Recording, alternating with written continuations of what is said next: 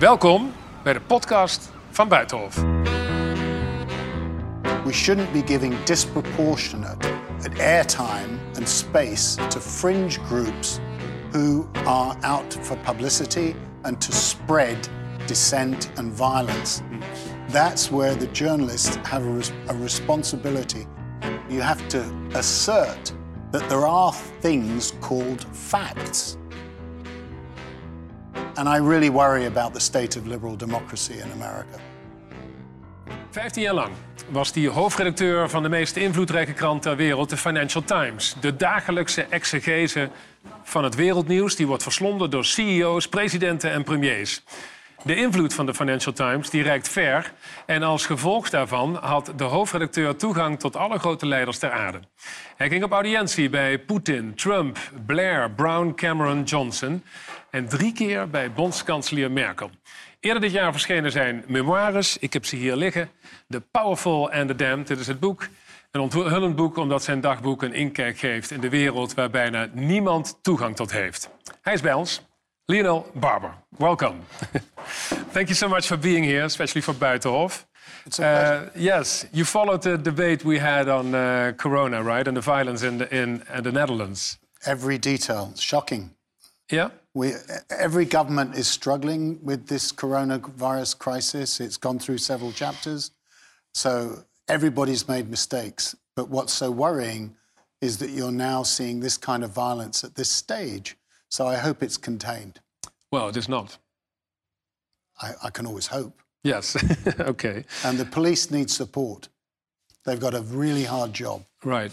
because this is activism, which is, uh, was alluded to in the conversation about weaponizing the internet. And, uh, you know, a lockdown is always going to pr- pr- produce a reaction. Um, but at the same time, it's striking to me that there are countries like Italy, where Mario Draghi, who features in the book, Right. He's a friend of yours, right? Yes, he's a friend, but he was a, uh, an interlocutor. As Prime Minister, he's been very clear that people need to get vaccinated, and that in the public service and in the private sector, and then they come into work. And that's a bit surprising because everybody in Northern Europe looks at Italy sometimes and thinks they're a bunch of anarchists. Right. The, the former Minister of Finance here in the Netherlands said that they mostly drank too much and uh, chased women, I think. Yeah. Um, That's but an old trope. Yes, I know. We're going to talk about um, uh, Draghi as well because he's um, uh, an old hand, one could say, a leader who has been at the European Central Bank. But you, you spoke to many of them in your function as the editor in chief of the Financial Times. Let's describe one day in your life, uh, or you describe it in your book, the 26th of June 2019. You met for a very rare interview Vladimir Putin in the Kremlin Senate. Could you describe that day? Well, it was late at night, almost midnight, and as usual, Vladimir Putin kept his visitors waiting. Right, here you are, by the way, talking to him, uh, but it was videotaped, right? Yes, it was. It was all uh, recorded on Russian television. They didn't cut anything. We made sure about that, by the way. But Vladimir Putin is often seen as a grand chess master, and I see him as something slightly different. He's more like a judo player. He's the master of destabilization. He's great at propaganda. He puts you off balance. He looks right through you with those watery eyes, and he's constantly trying to put you off balance. And you're seeing this in Ukraine today, where there's threats possibly of a military intervention. And you're seeing also the way he's holding uh, Western Europe hostage uh, on the gas supplies. Right. And he speaks very softly. You ask yourself in, this, in your book, what is it with men who speak so softly? He's, it, it means it forces you to kind of go forward listening. So you look as though you're bowing. So you have to be very clear, Yeah. stand back. You uh, also spoke to Donald Trump in the Oval Office. I was spoke at by Donald Trump, yes. Explain. the- well, it was a little like uh, I was talking with Mary Trump uh, before this uh, excellent broadcast, and I described the scene as something like, uh, you know, walking into a B movie studio because I, I've been in the White House Oval Office. But this was like a film set, and he treated it like that. And I remember his opening words when I said, Thank you for seeing me, Mr. President, and thank you for subscribing to the Financial Times. And he said, That's okay. You lost. You I won. Because your uh, uh, newspaper was not rooting for the presidency of That- Donald that's Trump. That's true. I did write that Hillary Clinton had more baggage than a Boeing 707, but we did not support Donald Trump. That's Yes, true. and you didn't see it coming as as uh, Uh, actually, we, we didn't see Brexit coming, but I, I was pretty clear that Trump had a good chance of winning, actually. From your book, I, I uh, thought this was really interesting. Could you read this uh, bit of your book after the visit uh, with Donald Trump? You, this is what you wrote about Yes, it. um, with great pleasure. The Trump interview um, was pure sopranos on the Potomac. Um, as much as I felt, um, I'm going to get my glasses here because. Oh, sorry, I uh, didn't prepare you no, for this, You know, uh, this is uh, we're all getting old these Yeah, yeah, I days. know, You yeah, uh, here we are, just in case I get every word right. Uh, I felt I was a prop on the film set with the anti hero centre stage barking orders to underlings. Trump was mostly on his best behaviour.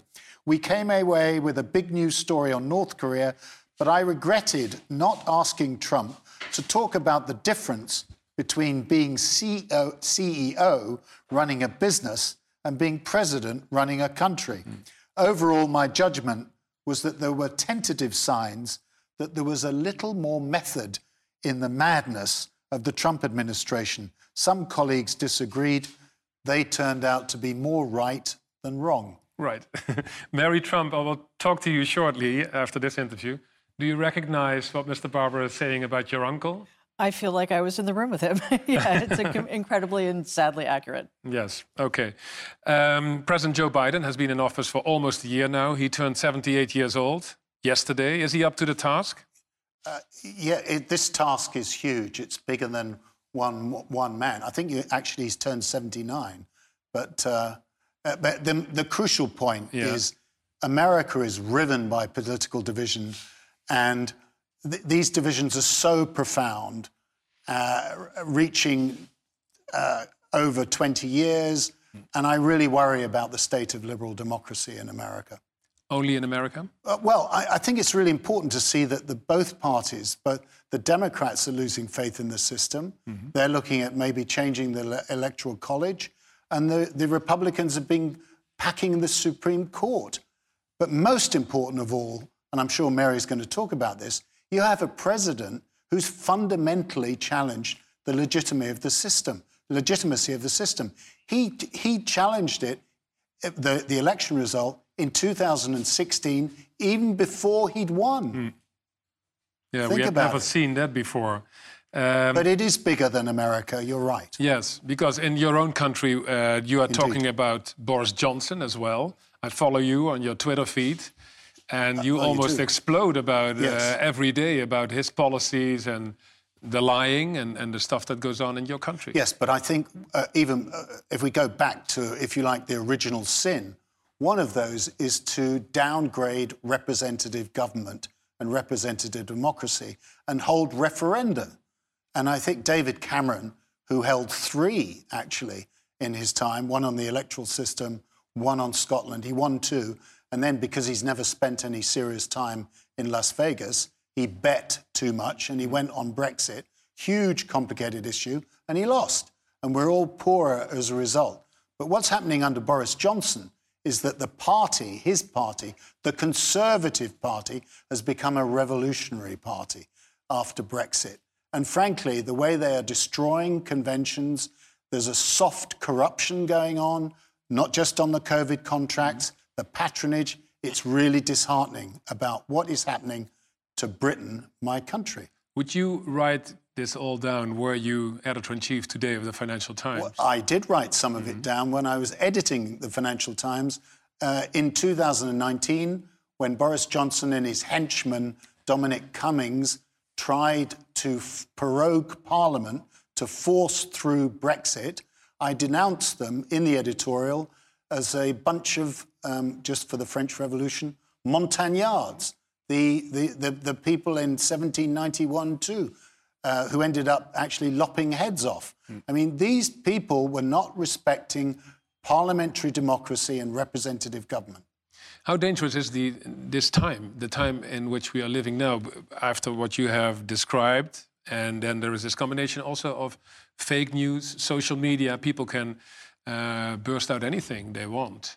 Lies or truth, you, it's, it's very hard to see the difference. We're living in very, very, very dangerous times. Even before COVID, people were likening the break, the outbreak of nationalism, uh, the end of multilateralism, the way Donald Trump frittered away America's role, as saying it, this could be like either 1913 or you know just before the First World War, or 1919, where you had a, a breakdown in order. I think the difference, the difference which you've alluded to, which is so important, is the way political groups, the police chief of Amsterdam uh, alluded to this, are weaponizing the internet.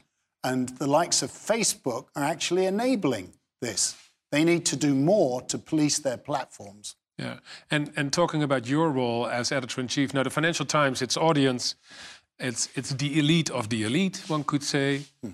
Well, we do have some general readers. Yes, yeah. but mostly it's not my parents, for example. I mean, oh, I could give them a cheap subscription. Oh, that would be great. Then I could read. no, I, am reading your newspaper but not already. Not too elite. I mean, yeah, we're, we're read by diplomats. But what you have, what you have faced in these 15 years, as every journalist and editor has faced, is that people are also on social media accusing you of being as they do with us. Mainstream media, you're working for the government, mm. uh, doing all sorts of terrible things, and we can't trust you anymore. Mm. The trust issue for journalists, how do you solve that huge problem? Well, first of all, you have to assert that there are things called facts. And you have to challenge the notion that opinion is more important than fact. And I think then the, what you need to do is, is reassert the role and the responsibility, because there is responsibility, yeah. uh, of journalists to present both sides of an argument and then try as best they can to get something called right. the truth. But uh, talking about fact and science, uh, Marion Koopmans is here. She is a scientist. And you have been threatened, right? It's difficult for you to go on the street. You're, what you are saying is based on facts. Do they still count? Um, I hope so. I think we have we have to keep uh, reinforcing that. And, and, and, but, but the problem is with a pandemic like this, there's, there's things you know and things you don't know, and you have to act. You cannot wait till you have all everything fully affected. But uh, I, I very much recognize also the politicization of this topic. Uh, and that's a topic that I, I, I, think there's a big task for politicians as well to try and work this through because mm yeah. we are seeing we are seeing uh, attacks also to science. Um, there are such things as facts, but there also, as the mayor was saying earlier, we shouldn't be giving disproportionate uh, airtime and space to fringe groups who are out for publicity and to spread dissent and violence. Mm. That's where the journalists have a, res- a responsibility to to show it, but not blow it out of proportion. There is such a thing as, as the silent majority, and we have a good job. There are plenty of readers out there. Were people in power afraid for what you uh, published in the Financial Times? Did, were there many leaders, business leaders or political leaders, who would call you, what the hell are you writing about my company or my policies? Yeah, it's usually a fairly short conversation uh, on my part if people threatened. Uh, yes, they did care. I mean, I was very fortunate to be in charge of a news organization which was respected, international, and mm. that's the way I had access to the leaders that you mentioned. Obviously, access can be double edged because you get the interview, but you can be co opted if you're not careful. So you have to have some informal rules like you don't have friends. But in the end, you as editor. A, you did have a friend, Mario Draghi, the uh, Prime Minister uh, of Italy. Uh, he was a very good acquaintance and I respected him. But even he, even uh, Mr. Draghi, would occasionally uh, in the middle of a conversation about uh, his problems running the ECB with the Germans, he might allude to, well, if there was something, you know, and I'd say, don't go there, Mario. That's it. Lionel Barber, thank you so much for being here, for writing this excellent book. And uh, do you miss uh, journalism and your seat in the uh, office of the Financial Times? There is life after the FT. Sometimes leaders shouldn't hang around too long. Huh. And I'm not making any allusions to anything here or in Britain or anywhere else. Thank you Thank so you much. much. Thank you.